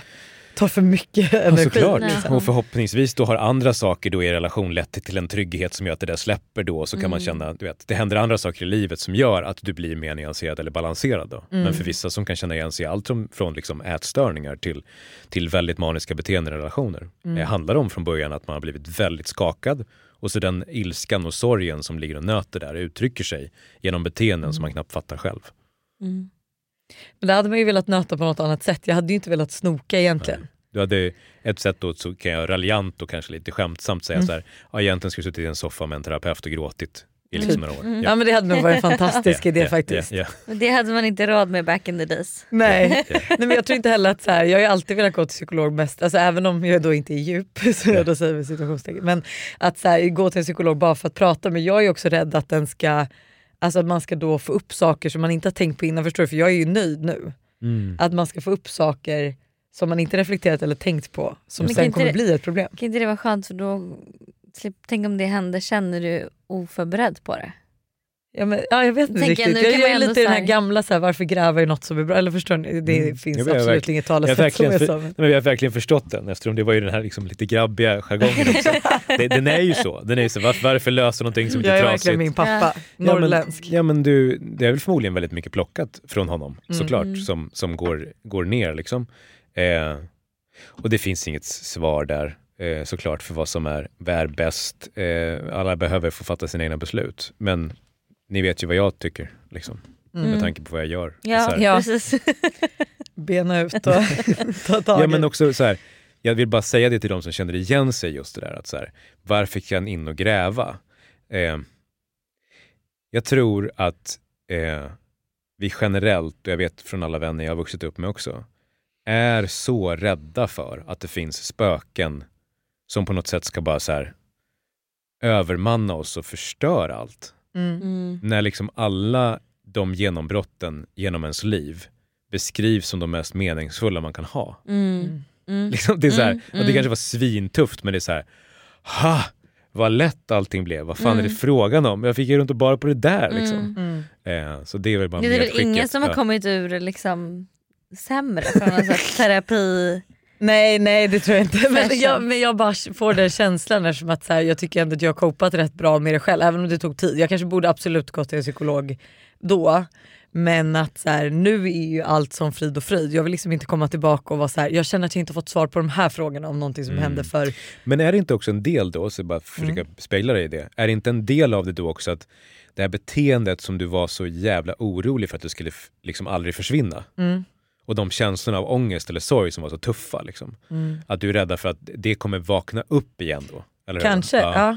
Så att då, jag vill fan inte tillbaka till att bli manisk igen. nu, Nej jag vill inte så- tillbaka till att försöka, för, För nu har jag tror jag bara kommit till den insikten att så här, det har vi pratat rätt mycket om, att så här, Ja. jag kan inte styra. Fattar. Alltså jag kan, vi, kan ju inte, vi kan inte göra någonting åt om en person väljer att svika en. Ja. Nej. Man kan bara välja vad man kommer göra efter det och kanske liksom inte vara förberedd för liksom Jag förstår. det. Men, Jag ja. Nej, men, det, då märker, alltså, det märker ju supersens. Jag kan känna igen mig jättestarkt själv från liksom att ha haft den här du vet, skakande panikångesten till den mån att jag så undrar om vill man leva liksom. Mm. Eh, att då tänka, ska jag gå in i terapi och börja så här, snälla kom tillbaka. Ja, liksom. Det är ju inte det första som man tänker såklart. Mm. Eh, men eh, det fina med att ha gått många vändor i det är ju att även om många tuffa känslor kommer tillbaka när man jobbar med dem så är det som att liksom, ja, det, är så, det är så viktigt ändå. Det är så värdefullt. det gör mig Lättar liksom mycket bättre. på hjärtat, liksom. Mm. Ja, för att de ligger ju där liksom, tillbaka till det här med Mm. att saker lagras i kroppen. Det är Mm. helt otroligt att det Mm. funkar så. Så bara va? Det här är ju en känsla från jag var 13, vad fan kommer det? Mm. Jaha, det var lite av den kvar. Ja, men det är ju lite det, för jag funkar också så som person att oftast, alltså jag kan tycka det att blir man ledsen eller så, jag vill gärna bearbeta det själv Mm. och kanske inte prata med folk Mm. utan man vill ju liksom vara själv i det. Mm. Eh, och så här, ja, men vi säger att jag och Buster har bråk och jag blir ledsen, då är jag såhär, nej men nu behöver jag så, vi Mm. pratar inte om det utan jag behöver vara själv och jag behöver liksom Mm. sitta själv med det här. Och då blir det ju ännu mer, eller då går hela den grejen emot vad man, hur man själv brukar copa problem. Liksom. Eller, hur menar du? så? Hur, hur går det? Går det Nej men hur jag själv brukar, ifall jag får ett problem då hanterar jag ju det på ett visst sätt. Med att sitta Mm. med en liksom, terapeut och prata och bena i saker och Jo, ting. jag, jag kan ju relatera Ja. jättestarkt. Alltså, det är precis så som jag själv har copat med saker också. Men sen inser man ju att varför gjorde jag så då? Mm. Varför behövde jag copa med saker själv? Och stackars liten. Mm. Alltså, Ja. det, så, så ska man ju inte vilja att ens egna barn Nej. Copade med saker. Nej. Man går iväg på sitt rum och stänger dörren Nej, för att hantera sin inte. sorg. Jag menar, Men jag tänker de, man kan kommer fram sig- till lite vettiga saker. Själv? ja, men man kan ju också, Kommer du inte kan, ihåg vad som hände mig? Med mitt ex, att han hade suttit och tänkt lite själv. Jo, jo, ja, men i en kvart typ. Nej, jag, jag är tvärtom. Jag pratar Men, med vet, alla. men det var ju för jag blev ju så chockad när du ringde till mig eh, när han hade varit otrogen. Mm. För jag vet att så här, när Buster var otrogen då vet jag också att jag så här, ringde en tjejkompis men jag behövde komma ifrån huset. Liksom. Mm. Men hade jag varit själv, eller förstår du, då var jag så här, jag blev ändå chockad över att du ringde och Mm. så här, kunde ta det direkt. Mm. Och berätta det. Att jag sa oj men gud. För jag visste ju knappt vad jag skulle säga för jag var så chockad över att, Mm. Att jag hade ringt. att du ringde och berättade det. Men eh, jag är helt tvärtom. Jag säger, pratar gärna med alla om liksom det jag går igenom och känner. Men det gör jag också för att jag gärna vill ha folks råd. För att jag Mm. inte li- litar riktigt kanske på min egna.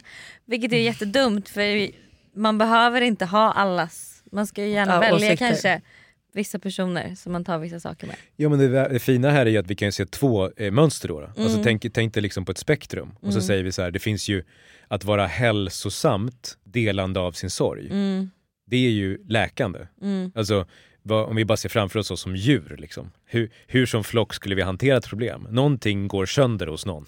mm, Då, då vänder man sig till andra. Mm, Det är det som är hälsosamt. mm, Och säger, det här har gått sönder hos mig. mm, Och där får man då, motsvarande man lekte när man var små, jag tycker det är en fin scen. Tänk att någon skadar sig, gör illa sig. Vad gör, då ska ju, om det är en sund lek så stannar ju leken. mm, Alla tittar på den, man Mm. kollar hur illa har det, är det? mm, Liksom, är det bara så här att den personen själv tittar på det och säger så här, ah, jag kan liksom, eh, borsta bort det och liksom fortsätta, är alla med igen. mm, Och i vissa fall så var det så att man gick närmare och så stannade man en stund till, alla tittade på det så fick personen liksom läka mm, och så var man tillbaka igen. Eller var det för stort, då kallar man på en förälder. mm, Ja, alltså, det, det är ju vad den hälsosamma flocken gör. mm, mm, Liksom. Men sen finns det det som är också är overly dependent, då. alltså man är för eh, nära. mm, Tillbaka till det här med att inte känna igen sin egen röst. Mm. Utan man har kanske då till och med haft eh, eh, åt andra hållet, när någonting har hänt en när man växer upp, så hade man till och med en förälder som kanske inkräktade i hur man skulle ta hand om det. Mm. Ja exakt. Så här du du, ja. Så du mm. fick inte reda ut det själv. Nej. Utan dens inre röst skickades rakt in i dig. Mm. För att den blev så orolig. Mm. Ja, men det här var alldeles för farligt, du kan inte gå, du måste direkt sätta Mm. dig och vila. Ja. liksom. Mm. Och vad händer då istället? Då händer det så att du vet, du kan inte lita på din egen röst för läkande. Nej. Nej. Åh, gud, det, är så, det är så små grejer. Ja. Så du måste Ja. titta på din förälder hur skadad du är. Mm. Kom ihåg det här hur man ser på barn när de tittar på föräldern, hur de ska reagera på sin skada. Ja det är Ja. faktiskt kul för det är ju vissa gånger, för där, jag är väldigt hönsmamma men jag kan säga i många fall när de gör någonting, det som ser ut att göra mest ont, alltså då kan jag kan kolla på dem och bara, vad kommer ske nu? Och det är såhär, Mm. det gick bra. Och sen typ en liten liksom ramlar Ja, och sk- ja, ja. skrapsår, Nej men gråter floder liksom.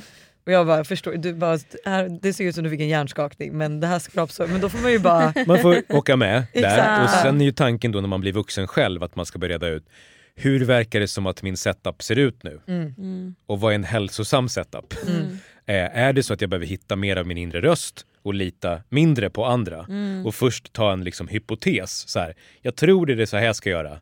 Nu ringer jag och kollar. Mm. Jag finns där, finns där för mig. Och då måste man ofta börja beställa människor runt sig.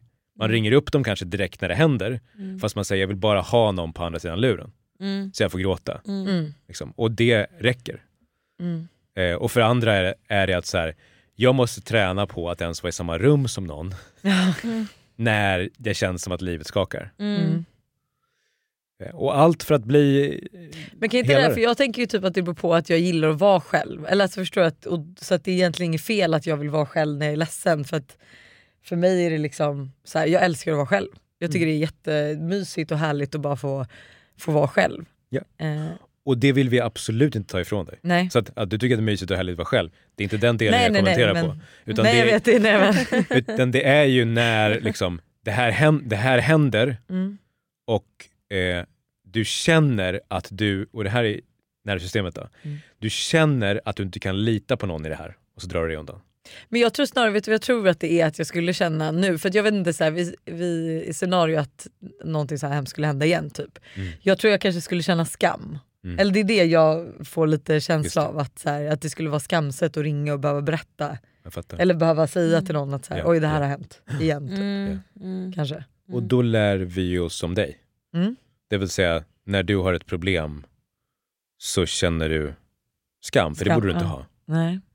Nej. Och det har du lärt dig då när du kanske kom med problem till någon Mm. och de bara, vad fan är det där ett problem? Skärp dig. Ah, ja. Och då kände du dig avfärdad. Och då Mm. lärde du dig att, aha, okej, här det enda jag ville var bli sedd och älskad i det här. Men det gick inte. Mm. Och det här tänker jag fan inte vara med om igen för det gjorde så jävla ont. Mm. Så då går jag och gör det själv istället. Mm. Och sen kommer jag ut med lösningen. För då blir jag duktig. Jag, bara, jag tycker fortfarande det låter fattar. Nej jag skojar. Nej men jag, jag fattar. Ja. Vi alla har ju, som vi bara förstår, så dels fan vad fina ni är som är så sårbara kring det, men jag tror att vi hjälper så många för att förstå att så här, så här har våra uppsättningar sett ut på olika sätt. Liksom. Mm. Och insikten av att så här, ju mer jag lär känna det så kan jag börja prova grejer. Mm. Jag kan liksom så här förstå, prata om det och bara att jag pratar om hur jag känner när jag blir ledsen eller tycker saker är svårt. Det i sig är bra för mig. Mm. Därför att då är jag istället för att bara gå rakt in i reaktioner så kan jag äga reaktionen. Mm. Och det är ju vad bra relationer över tid är, Mm. liksom hur de är gjorda. Man fattar varandra. Jaha, nu är hon där i det. Jag ska låta, ge henne det här, men jag kan också fråga, vill du ha min axel? Här, nu kommer det handla lite mer om dig. Jaha, ja. Mm, spännande. Från oss till dig. Vad skulle du säga till ditt 20-åriga jag?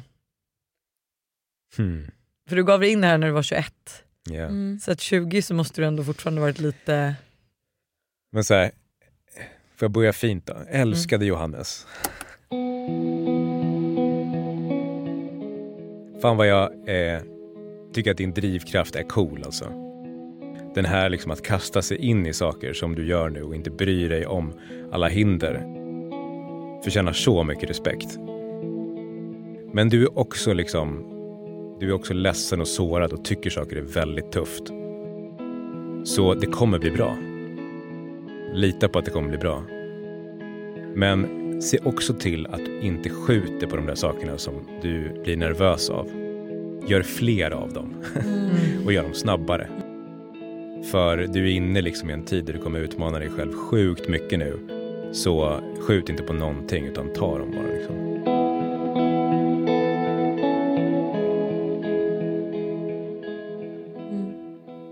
För Fint, jättefint. Jag vet inte vad man själv skulle ha sagt till sitt. Du, är ja, jag fyller ju 30 år men du är ju tänkte fortfarande säga att jag 20-åriga. typ är 20. Okej. Hur ser ditt liv och din vardag ut då? Johannes. Lilla frågan. Hur ser ditt liv och din Ja, vardag ut? i veckodagarna där, Liksom. Ja. Nej, men det är en ganska härlig variation och jag har ju under de senaste åren liksom byggt upp ett team som gör att jag har privilegiet att bli ganska komma till dukade bord om man säger så. Mm. Så att jag, jag sitter antingen framför eh, en person eller ett par personer eh, eller så sitter jag tillsammans med en grupp eller står framför en grupp människor. Eller så skriver jag text eller så sitter jag och spelar in text eller så sitter jag i dialog och spelar in. Det är väl liksom de formaten jag gör saker i, i stort sett. Och sen så är det allt från artister, elitidrottare, företagsledare, snabbväxande bolag och hjälper team att bli mer högpresterande. Mm. Sen tränar jag väldigt regelbundet, får massage väldigt regelbundet, Gud vad trevligt. går i terapi, eh, olika typer av terapiformer som jag tycker är härligt och kul och gör mycket näringstester och sådär. Mm. För jag har lärt mig att ta hand om mig själv nästan som en elitidrottare när det kommer till liksom att prestera. Mm. Och utöver det så, Alltså det där lät jävligt mycket, hur hinner du? Det var det enda jag kände. ja men det är väl fördelen då med att ha ett team och ha lärt sig Som det över lång tid. bordet. Att säga. Ja. Ja men så, så går mellan saker och sen träffar jag vänner och pratar om eh, saker som jag är jävligt intresserad av. Jag är ju Mm. nördig liksom. Mm. Och sen eh, familj. Mm. Ja. Mm. Mm. Det är typ Det var typ mitt det lilla. Liksom. Ja, Mm. ja. På tal om familj så är det ju många som har frågat om du är släkt med Anders Hansen. ja, vi är tvillingar. Nej. Nej. Nej, det, Alltså jag, bara, jag såg en bild på honom och jag bara det, nej. det, det hade väl varit fint. Jag, eh, jag är eh, ja, men hedrad av att dela eh, samma namn som någon som har gjort väldigt mycket nytta för Mm. svenska befolkningen när det kommer till både hälsa och träning och sådär. Mm. Så all cred till hans mission. Mm. Men ni är inte släkt. Vi är inte släkt. Inte släkt. Men du, vi nämnde det lite innan, men du har ju en webbkurs som startar idag. Ja, idag ja. Mm. På eh, självkänsla som heter Stärk din självkänsla. Mm. Och det är så jävla fantastiskt så att vi kommer ge era lyssnare ett erbjudande. Nej. Det är fantastiskt. Så, Ta på Trisso. Ja. Kanske vi kan. precis. Ja. Det släpps idag. 20% får man i rabatt när man köper kursen med koden måndagsvibe. Är det med Å eller A då? Det är måndagsvibe med Å. Ja måndagsvibe, ibland kan det vara mandagsvibe. Liksom. Så- som men gäller måndags- fram till 7 i femte. Och så hittar man kursen på johanneshansen.com. Kostar 290 kronor. Och det är precis ett träningsprogram då. Kort träningsprogram som handlar om att dels då ta de här tankarna vi pratade om, skriva om dem, hur man tränar på det, hur man vänder negativa tankar och hur man sen gör som man vill och känner som man vill känna när man tränar sin självkänsla. Mm. Så att du vill liksom både förstå förflyttningen av tankarna men sen också kan göra de sakerna du vill göra trots att du tycker att det är jobbigt. Mm. Gud, jätte, Jätte, jätte, jättebra. Ja. Okej så det kan man hitta på din hemsida och då ser man liksom tid och plats. Alltså det är ju webb på online. Men Det är online så man kan titta på när man vill. Ja när man Du vill, okej. det, ja. Så Ja, jag tänkte det att det var live. eh, Nej. Ja, okej, ja. Ja. Så johanneshansen.com Mm. så finns den där Mm. Och annars hittar man dig på din podcast, din Man Instagram. det överallt, är alltså. överallt. Va? Va? Nej, Men jag skulle verkligen rekommendera att följa din Instagram Ja, om man vill ha med. lite så här varje dag mental tips. Liksom. Just det. Ja. Ja. Och så vill man fördjupa sig så går man bara till podcasten som heter Johannes Hansen podcast. Mm. Mm. Det här var ju ett jävla nöje det här. Ja men det var Skitkul skitkul, att ha det här, Ja. verkligen. Ja, alltså, vi lär oss så mycket varje gång. Jag tycker det är så, jag känner mig också typ lite djupare för, va- alltså, för jag, kommer, jag känner mig lite också. Ja. Och sen är det så, det, jag älskar bara dina paralleller till eh, nummer ett träning och nummer två till barndomen och så här enkla grejer som man kommer ihåg när man var liten. Och Som du sa när man liksom slår sig, vad som, Ja. alltså, det blir så mycket enklare att ta på det. Men det är, så enk- det är mycket enklare att få det visuellt, att man förstår precis Mm. varför man är på vissa sätt. Mm. Ja, ja, jag fattar. Så, Vad kul. Det gör mig glad. Det är ju väldigt härligt att hänga med er. Ni Mm. har ju en grym energi. Kul. Trots att ni är väldigt självupptagna. jag skojar.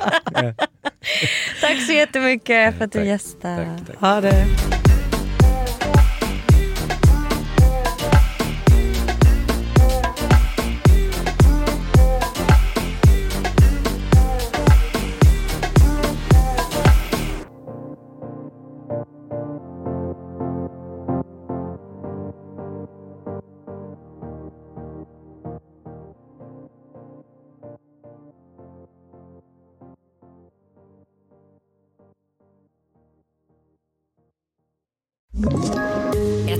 Poddtips från Podplay.